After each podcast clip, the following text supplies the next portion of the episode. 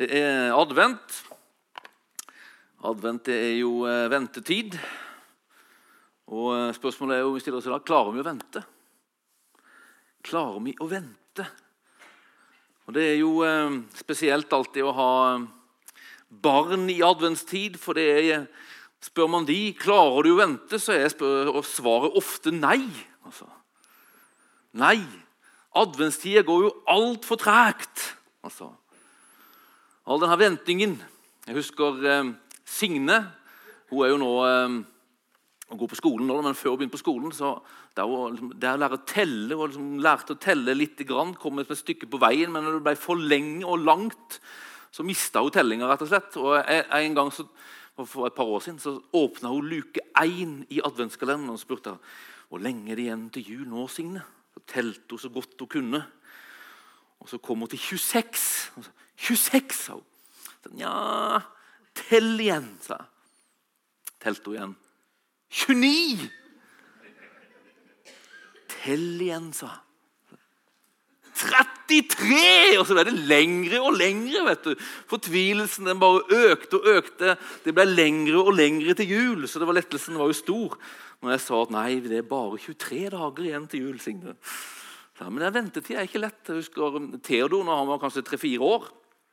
Så var vi hos mamma tredje søndag i advent. Og Mamma har også en sånn elektrisk adventslysestake som man trykker bare på en knapp. Så Theodor skulle liksom tenne tre lys. Satt han der og tente han først ett, og så to, og så tre. Og så kikket han lenge på det her fjerde lyset. Så tente han det du kan ikke telle, tenne det fjerde lyset. Det er bare tredje. Jo, sånn. For da er jula her! Sånn. Er ikke så lett å være, altså. altså.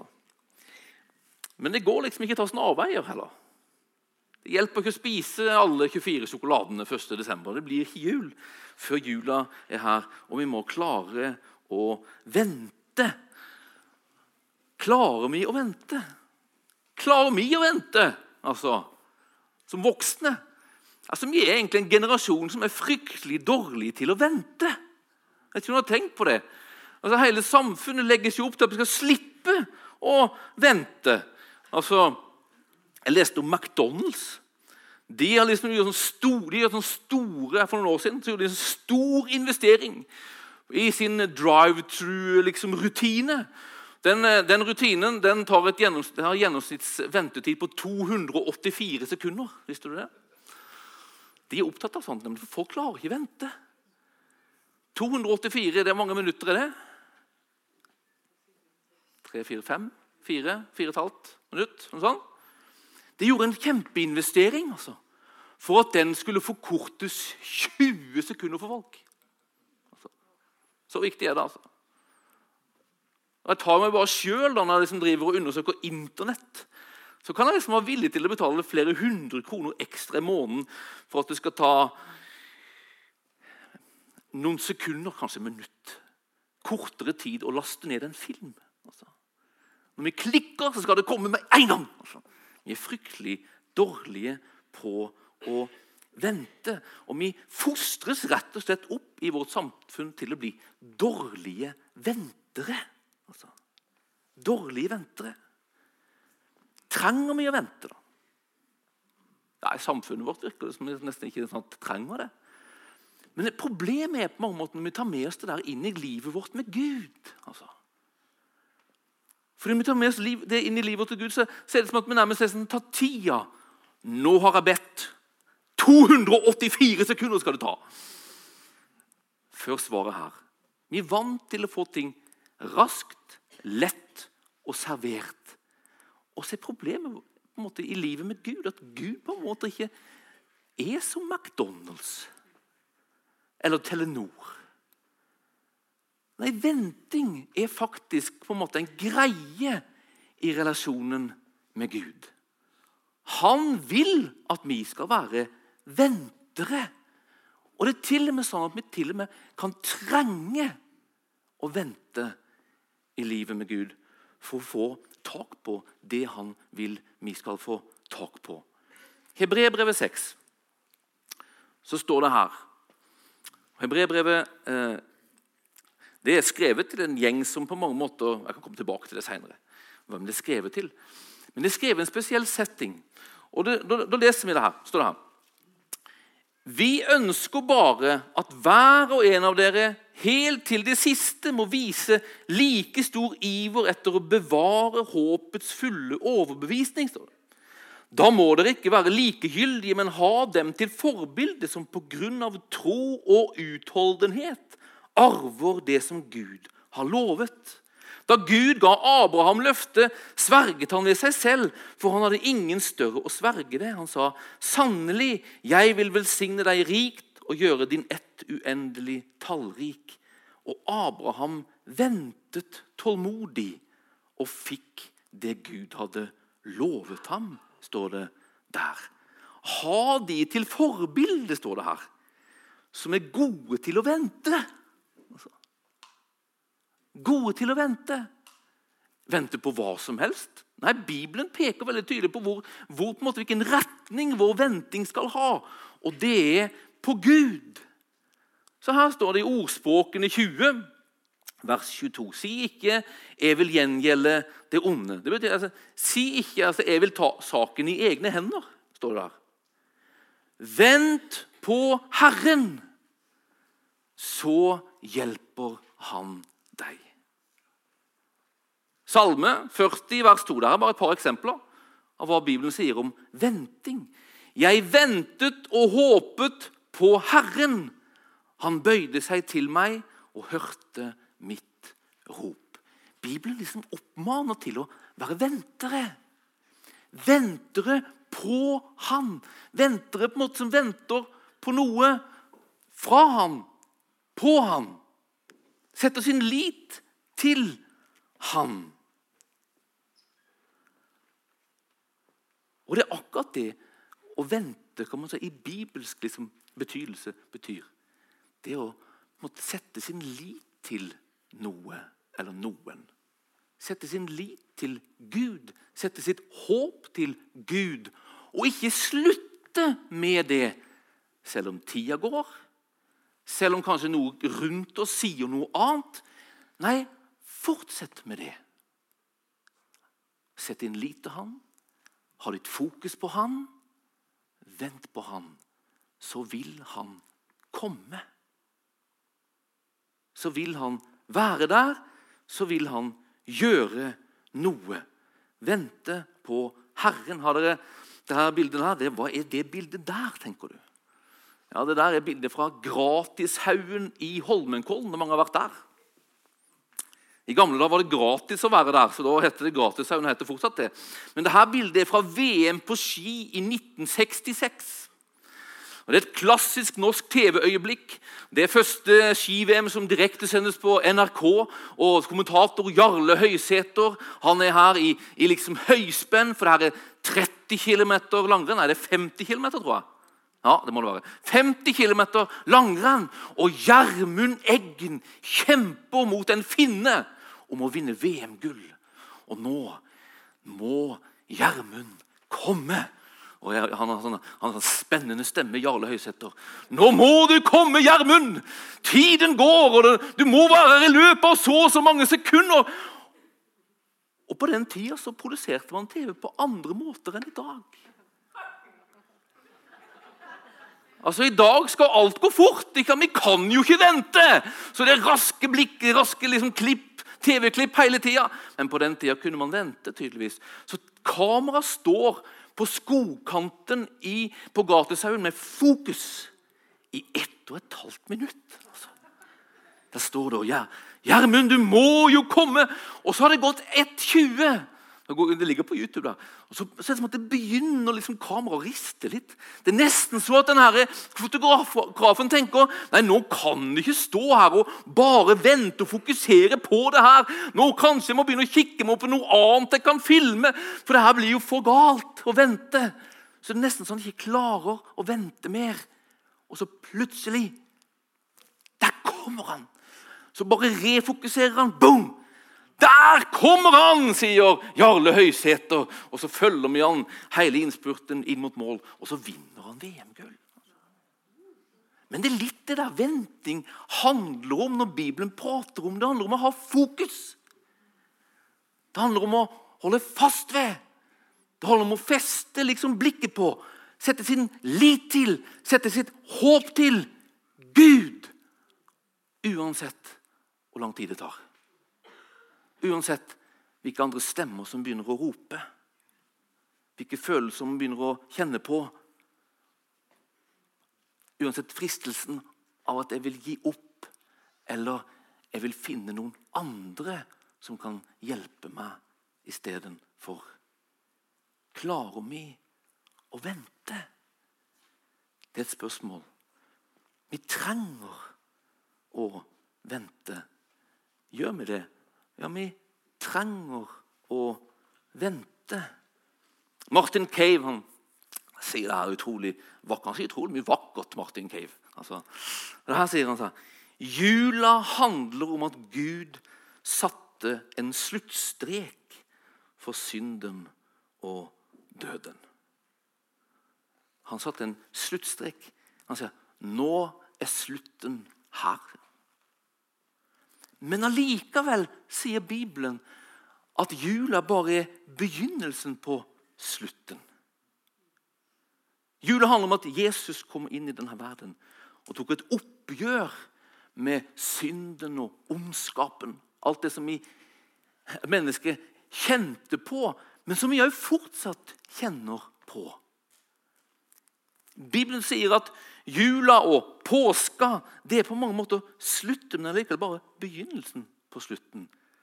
For Bibelen sier at en gang skal Jesus atter komme tilbake og gjøre slutt på det endelig. Så jula er slutten, men det er på mange måter bare begynnelsen på slutten. Vi lever fortsatt omgitt av synd. Og døden er fortsatt en fiende som i utgangspunktet alle oss skal møte en gang. Så det er ikke slutt på det. Men det jula og påska betyr en garanti for at en dag skal det være slutt på det. Men det er som at vi lever i en ventetid. Det å være kristen, det å leve i en ventetid. Og alle på mange måter i våre personlige liv kan vi oppleve det at vi lever i en ventetid. Vi har behov, alle mann. Altså, Vi lever i en verden der ondskap er en realitet, og mange merker det. Mange merker at det fins ting i mitt liv som det her er ikke liksom fullkomment godt. Så vi er på en måte i venter vi i behov av ting, alle mann. Er det ikke det akkurat nå, så heldig er du, men nå kan jeg garantere at du har vært det. Eller du kommer til å være i tider der du kjenner på behov, og du kjenner at du venter på noe. Du lengter etter at Gud skal gripe inn og gjøre noe. Du, du enten ber om noe sjøl eller ber om hjelp til at andre skal be for deg, for du trenger noe. Og vet du hva? Gud han kan svare raskt på dine personlige behov. Mange tror det. Og Jeg tror at han både kan det og jeg tror at han vil det. Og vi skal aldri på en måte gi slipp om på en måte troen på det. Jeg husker Linda Bergling. Når jeg sammen med henne, så fortalte hun en historie en gang om et, om et bønnesvar hun hadde fått. Når hun var liksom ung, så var hun en del av Jesusfolket. Det var jo sånn hippie, De hadde jo ingenting. Og En dag sa hun så, så fikk jeg så lyst på saltpølse. sa hun. altså, det var på det nivået. Fikk sitte på saltpølse, så jeg ba til Gud. Gud, kan jeg få saltpølse? Og ikke før sa hun hadde sagt amen, så banka det på døra mi. sa hun. Så kom det inn en, en eller annen bekjent med en saltpølse. Og så sa det jeg opplevde at Gud sa til meg at du skulle ha den her. Så, wow. Og så reflekterte hun etterpå. Gud, du må jo ha prata med den personen og sagt det til den personen før jeg ba. Ellers hadde han aldri rukket å komme hit. For Gud han kan svare på bønn til før du ber. Altså. Så rask kan han være Og så rask, rask er han av og til. Og jeg tror han vil det være oftere. Men ikke alltid. I Hebreerbrevet leste vi at ha de til forbilde som ved tro og utholdenhet. Altså ved at man holdt ut, ved at man venta. Gud er nemlig ikke som McDonald's, som sier det tar 284 sekunder fra du har bedt til du har bønnesvaret ditt. Vi skulle ønske det av og til. Men sånn er det ikke. Nei, Av og til så trenger vi å vente. Vi trenger å vente for å få våre personlige behov møtt. Vi trenger å lære oss å vente. Og vi venter på noe alle mann, før eller siden. Livet kan være brutalt. Livet kan være brutalt. Og Jeg vet at det er mennesker her som kjemper med sykdom, jeg vet at det er mennesker her som har mista nære og kjære i høst. Jeg vet at det er mennesker som, som, som har det tøft, og som har det vanskelig. Og mitt ord til det vent på Herren. Han har lovt å være der. Altså Det er til og med sånn at når, når Gud venter så er det ikke sånn at han sitter på distanse og bare venter og ser på deg. Nei, han venter med deg. Han vet hva du kjemper med. Han ser dine tanker og dine følelser. Han er der. Han har sagt det skal være der hver dag til tidens slutt. Han har ikke lovt og garantert et bønnesvar på 284 sekunder. Men han har garantert å være med deg alle dager, òg dager der du venter. Så vent. Vi trenger å vente for å få erfare den Gud som Han vil være i våre liv. Vi trenger å vente. Vi trenger å holde fokus Feste lit og feste håp til Han selv når tida går, og selv når omgivelser og omstendigheter sier noe annet enn det vi skulle ønske og ville. Vi trenger å vente for våre personlige liv. Og vi trenger òg å vente som kristne i dag. Denne verden er fortsatt prega av synd og ondskap. Og det å være en Jesus-etterfølger i verden, i Norge i dag, det kan være vanskelig. det. Det kan være vanskelig i vennegjengen din. Det kan være vanskelig i, i samfunnet vårt. Altså. Vi trenger en tro og en tillit til Gud som venter på ham. Som på en måte setter sin lit til ham og fester sitt håp til ham, selv om omgivelsene av og til til og med kan være fiendtlige.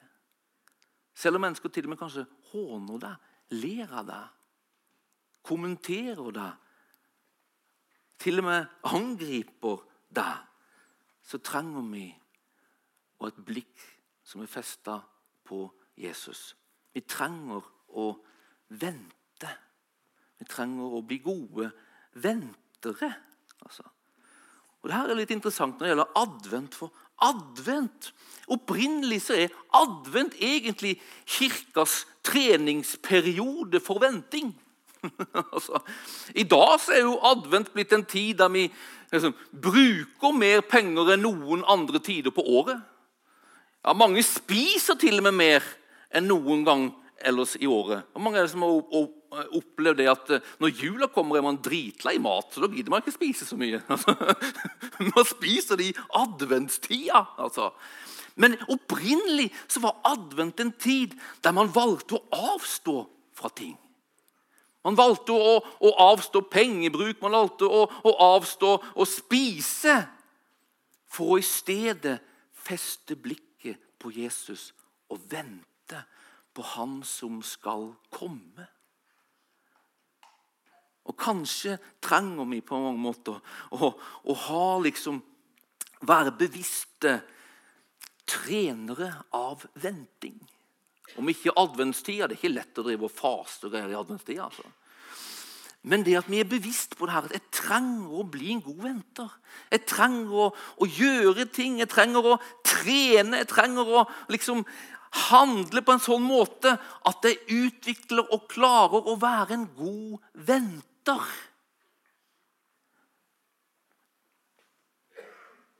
Jeg trenger å oppføre meg, jeg trenger å trene som en toppidrettsutøver for å hevde meg i EM i venting. Husker dere denne sketsjen til kirkvåg Kirkvåg Lystad Mjøen?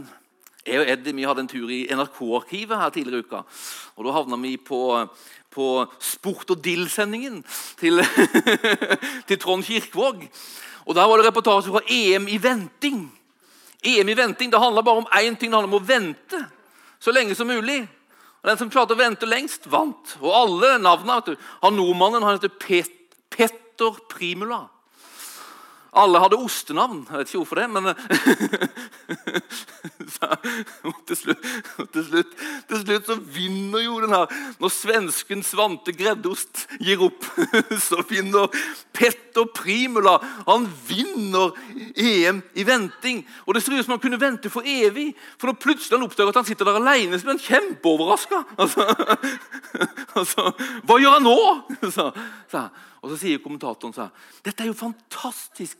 Vi har fått en europamester fra Norge i venting. Dette har vi venta lenge på!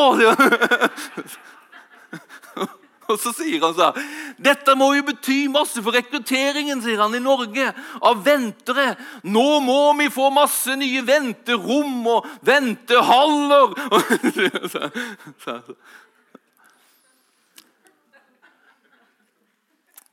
Vi trenger å rekruttere noen nye ventere iblant oss. tror jeg. Altså. Vi trenger å rekruttere oss sjøl til å bli ventere i forhold til Gud, i forhold til livet med Han. Åssen kan vi trene oss på å vente på Gud, da? For det første så tror jeg at vi trenger å ha en rytme der vi jevnlig påminner oss om Han vi venter på. Hvordan har man det, da? Hvem venter vi på? Vi hadde akkurat nå i stad et sånn et moment av en rytme der vi synger om Jesus. Bare du er verdig. Bare du er verdig. Alle andre røster, alle andre alternativer, alle andre som vil, vil ha oppmerksomheten vår Nå bare synger vi til du. Altså. For vi vil vente vente på du. Vi vil ha blikket festa på du. Bibellesing, bønn, gudstjenesteliv, de her rytmene som så fint kalles for disippelpuls. Altså som pulserende slag. Dudun, dudun, dudun. Der han får være i vårt fokus. Altså. Det gjør at vi kan vente. Vente. Vi venter på Han vi tilhører. Vi venter på Han som elsker oss, og som vi vil elske. Vi venter på Han. Vi venter på Han. At Han må forbli vår kjærlighet. Det gjør det lettere å vente. Da. Du vet, Den man elsker, kan man vente uendelig lenge på. Det fins eksempler på det i dette landet. Det fins eksempler i kongehuset på personer som har venta lenge på sin kjærlighet, som han ikke så ut til å kunne få, eller som tok fryktelig lang tid i alle fall, å få. Kong Harald hadde jeg lest det som står om kong Harald og dronning Sonja. Kong Harald venta ni år på å få sin Sonja. Og Det var liksom, det, var, det, var en, det krevdes måte, organisering. De måtte treffes i hemmelighet, og i perioder var det på distanse. Der det var brev og det var en eller annen telefon. Det må være ulike land, man var på distanse, men man så til at man holdt det ved liv. Og de sa til med så her Det var så mange, mange som ville noe annet. Det var så mange som ville liksom, at det ikke skulle være oss. Det var så mange alternativer som kom. Men vi klarte aldri å gå fra hverandre. Og så holdt de det ved liv med sånne pulserende slag. En telefonsamtale da, et brev da, en treff i det skjulte da. Og til slutt så kom dagen. Altså. Til slutt så kom dagen. Og til slutt kommer dagen. Til slutt kommer dagen. Til slutt kommer dagen for ditt bønnesvar. Og om ikke det kommer, til slutt så kommer dagen da ondskapen en gang for alle skal tilintetgjøres når han kommer i fysisk figur på himmelens skyer. Altså. Vi må lære oss å vente. Feste vår lit, feste vårt håp til Han. Ha rytmer der vi påminner oss om Han vi venter på. Åssen kan vi trene oss på å vente? Den andre måten bruk motstand til å bli sterkere. Ikke la motstand få deg til å gi opp og gi slipp. Vet, I Bibelen så, så, står det, hos Jakob så står det Se det bare som en gledessøsken når dere møter alle slags prøvelser. står det. Hvorfor da?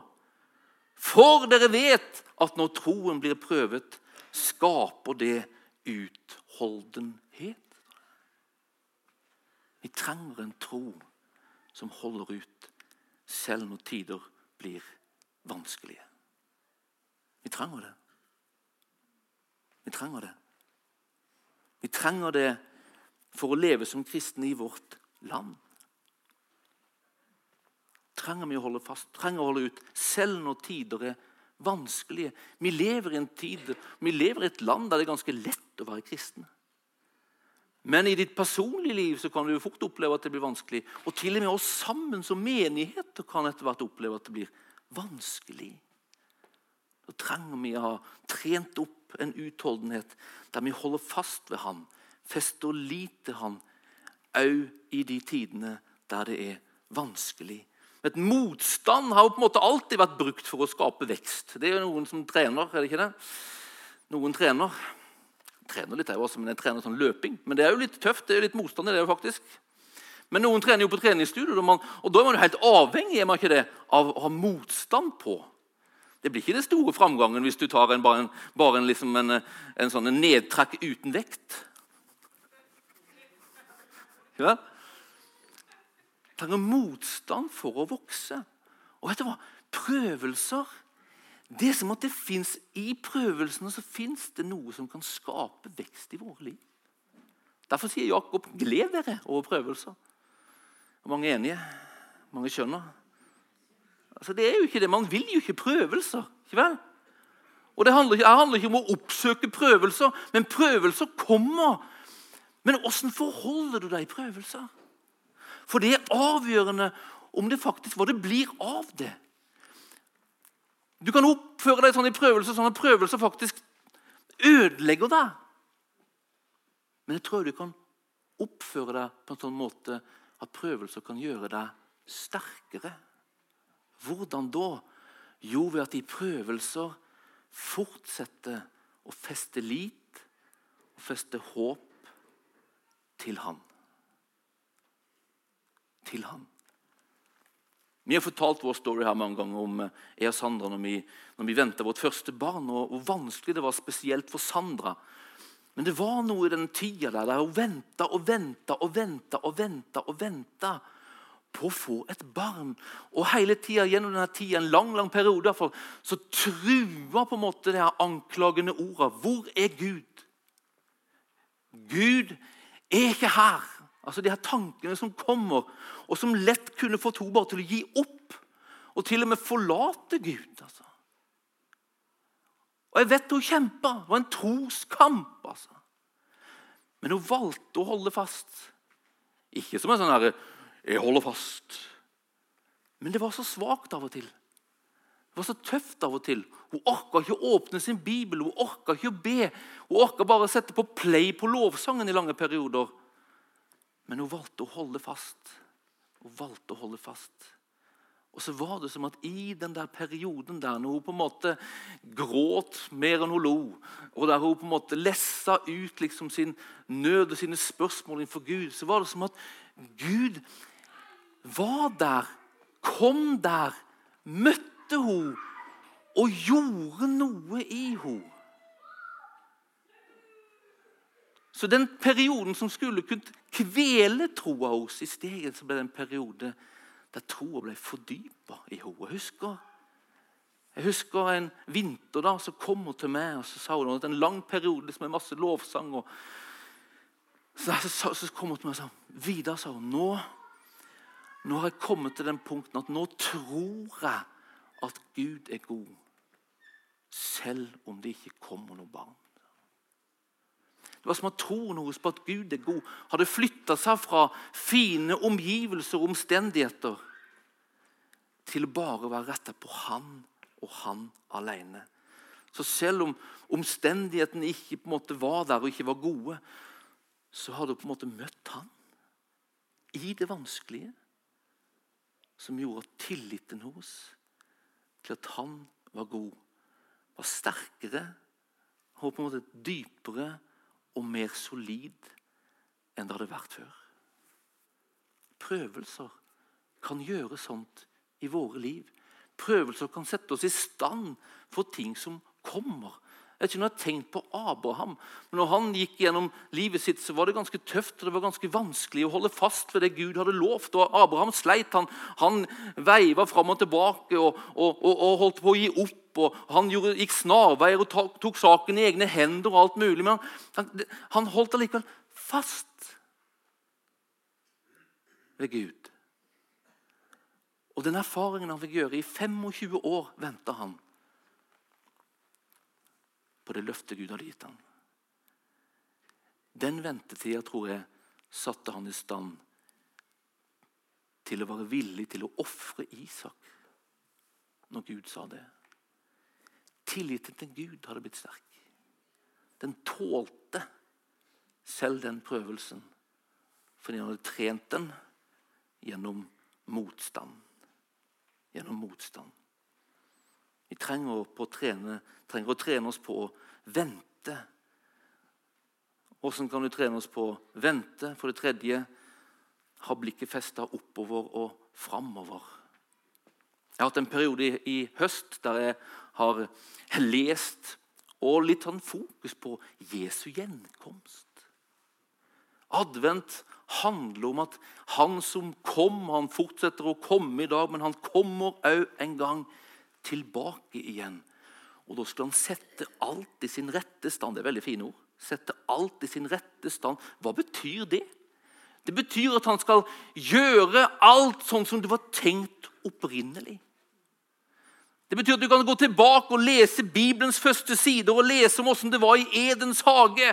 Og så leser du sånn vil Herren en gang atter gjøre det. Synd og ondskap skal ikke vare mer. Døden skal ikke være mer. Og Gud skal nyskape himmel og jord. Så vi får leve med Han for alltid. Det er det kristne håpet. Og jeg tror at vi må bli ventere. På en måte at vi venter på Han. På en måte som gjør at det strekker seg forbi liksom det her livet og inn i det neste. Og vet Du hva? Du kommer alltid til å ha behov. Og Den dagen du dør, så kommer du til å dø med behov. Det kommer til å finnes behov i ditt liv som kun blir møtt i evigheten.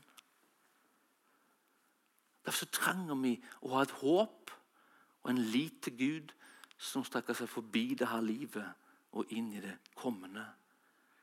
Vet min venn, Jesus kommer tilbake igjen for å sette alt i sin rette stand. For å hente du, møte du, være med du. Du som er hans brud, kalles det i Bibelen. En kjærlighetsgreie. Jeg bruker litt tid på Jesu gjenkomst, for det er litt sånn Jesu gjenkomstskada. Altså for jeg, når jeg vokste opp, så fikk jeg på en måte en slags, en slags Jeg knytta til Jesu gjenkomst noe skummelt. Der jeg helst liksom ville Jeg vil ikke at du skal komme, Jesus, for det der er så skummelt. Håper ikke du har det sånn. Men jeg har hatt det sånn opp igjennom. Så Derfor tar jeg noen sånne perioder der jeg bare rekalibrerer mitt syn på Jesu gjenkomst. Og jeg må si seg at Mer og mer så, så blir håpet ved hans gjenkomst sterkere og sterkere for meg. Mer og mer så blir kjærlighetsmøtet som venter, sterkere og sterkere for meg. Paulus han sier, Det siste brevet Paulus skriver, til og med det siste kapittelet han skriver til Timoteus, så sier han vi som med kjærlighet har ventet på hans komme. Jeg tror Gud ønsker en menighet som venter på han med kjærlighet og lengsel. Fordi det er grunn til det. Han kommer ikke som en tyv om natten. Han kommer som en brudgom til sin brud. Derfor tror jeg vi behøver på en måte helt enkelt å, å liksom fòre oss med håpstanker rundt hans gjenkomst og rundt den kommende tiden etter det her livet. Vi trenger å trene oss på vente, så at vi holder fast sjøl gjennom døden. Vi trenger å trene oss på å vente. Fordi ventetiden har en slutt. Ventetiden har en slutt. Din ventetid kan ha en slutt i kveld. Altså Gud han kan møte ditt behov i kveld. Han kan møte ditt behov i forbønnshjørnet der nede etterpå. Han kan møte ditt behov i jula men det kan òg være at du trenger å fortsette å vente, og at han møter behovet ditt lengre fram langs veien. Og så kan det være at den endelige liksom, slutten på ventetida di blir når han kommer tilbake igjen. Da er iallfall vår liksom, trengselstid her i denne verden slutt. Alt som er vanskelig for oss å være kristne, tar slutt på den tida. Men vi trenger å utvikle en evne til å vente sjøl når omstendighetene er vanskelige. Vi trenger å løfte blikket og se på ham. Jeg leste en historie her tidligere i uka om Levi Petrus. Han var en svensk pinsehøvding. Jeg vet ikke om jeg har hørt om han. Alle som har vært i Sverige, har hørt om Levi Petrus. Og I 1913 så gifta Levi Petrus seg med en norsk kvinne som het Jeg skrev opp det hun het. Hun het noe. Hun het sikkert noe fint. Da skrev jeg Lydia. Lydia. Og På slutten av samme år så blir Lydia gravid. Levi Petrus er ute på prekenreise. Og så kommer meldinga til Levi Petrus om at Lydia har blitt akutt syk.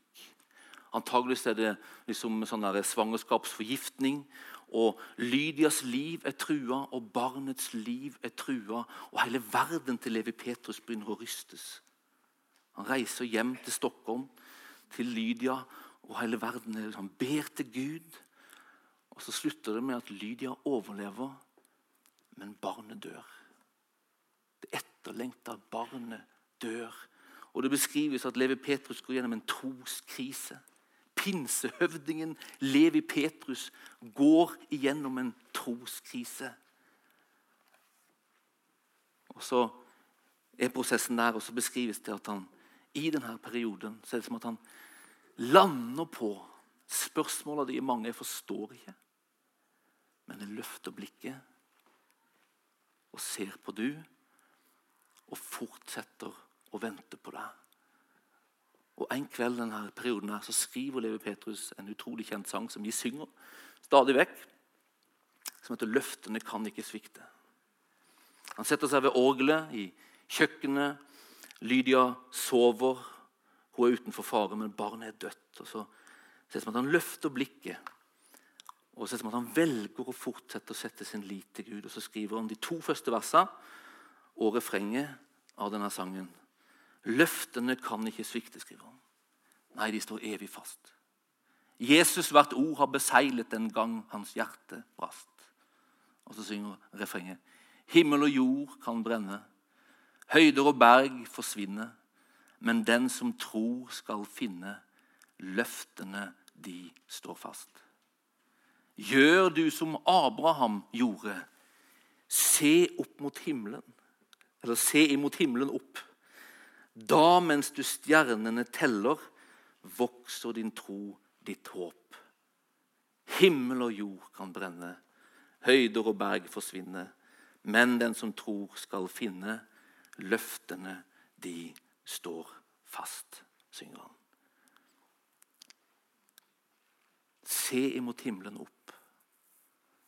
Da mens du stjernene teller. Hva var stjernene for noe? Jo, Gud sier til Abraham at det representerer løftene. Se på løftene. Se på hva jeg har sagt. Se på hva jeg vil. Se på hvem jeg vil være. Da, mens, stjern, mens du stjernene teller, vokser din tro, ditt håp. Det er som at han beskriver sin egen prosess. og så lander han. Himmel og jord kan brenne, høyder og berg forsvinne, men den som tror, skal finne. Løftene, de står fast. Vi venter alle i hop. Barna venter på jul. Det kanskje du òg gjør. Jeg venter òg på jul. altså. Men vi venter på masse andre ting i livet som vi venter skal komme fra Gud. Hold fast ved Han.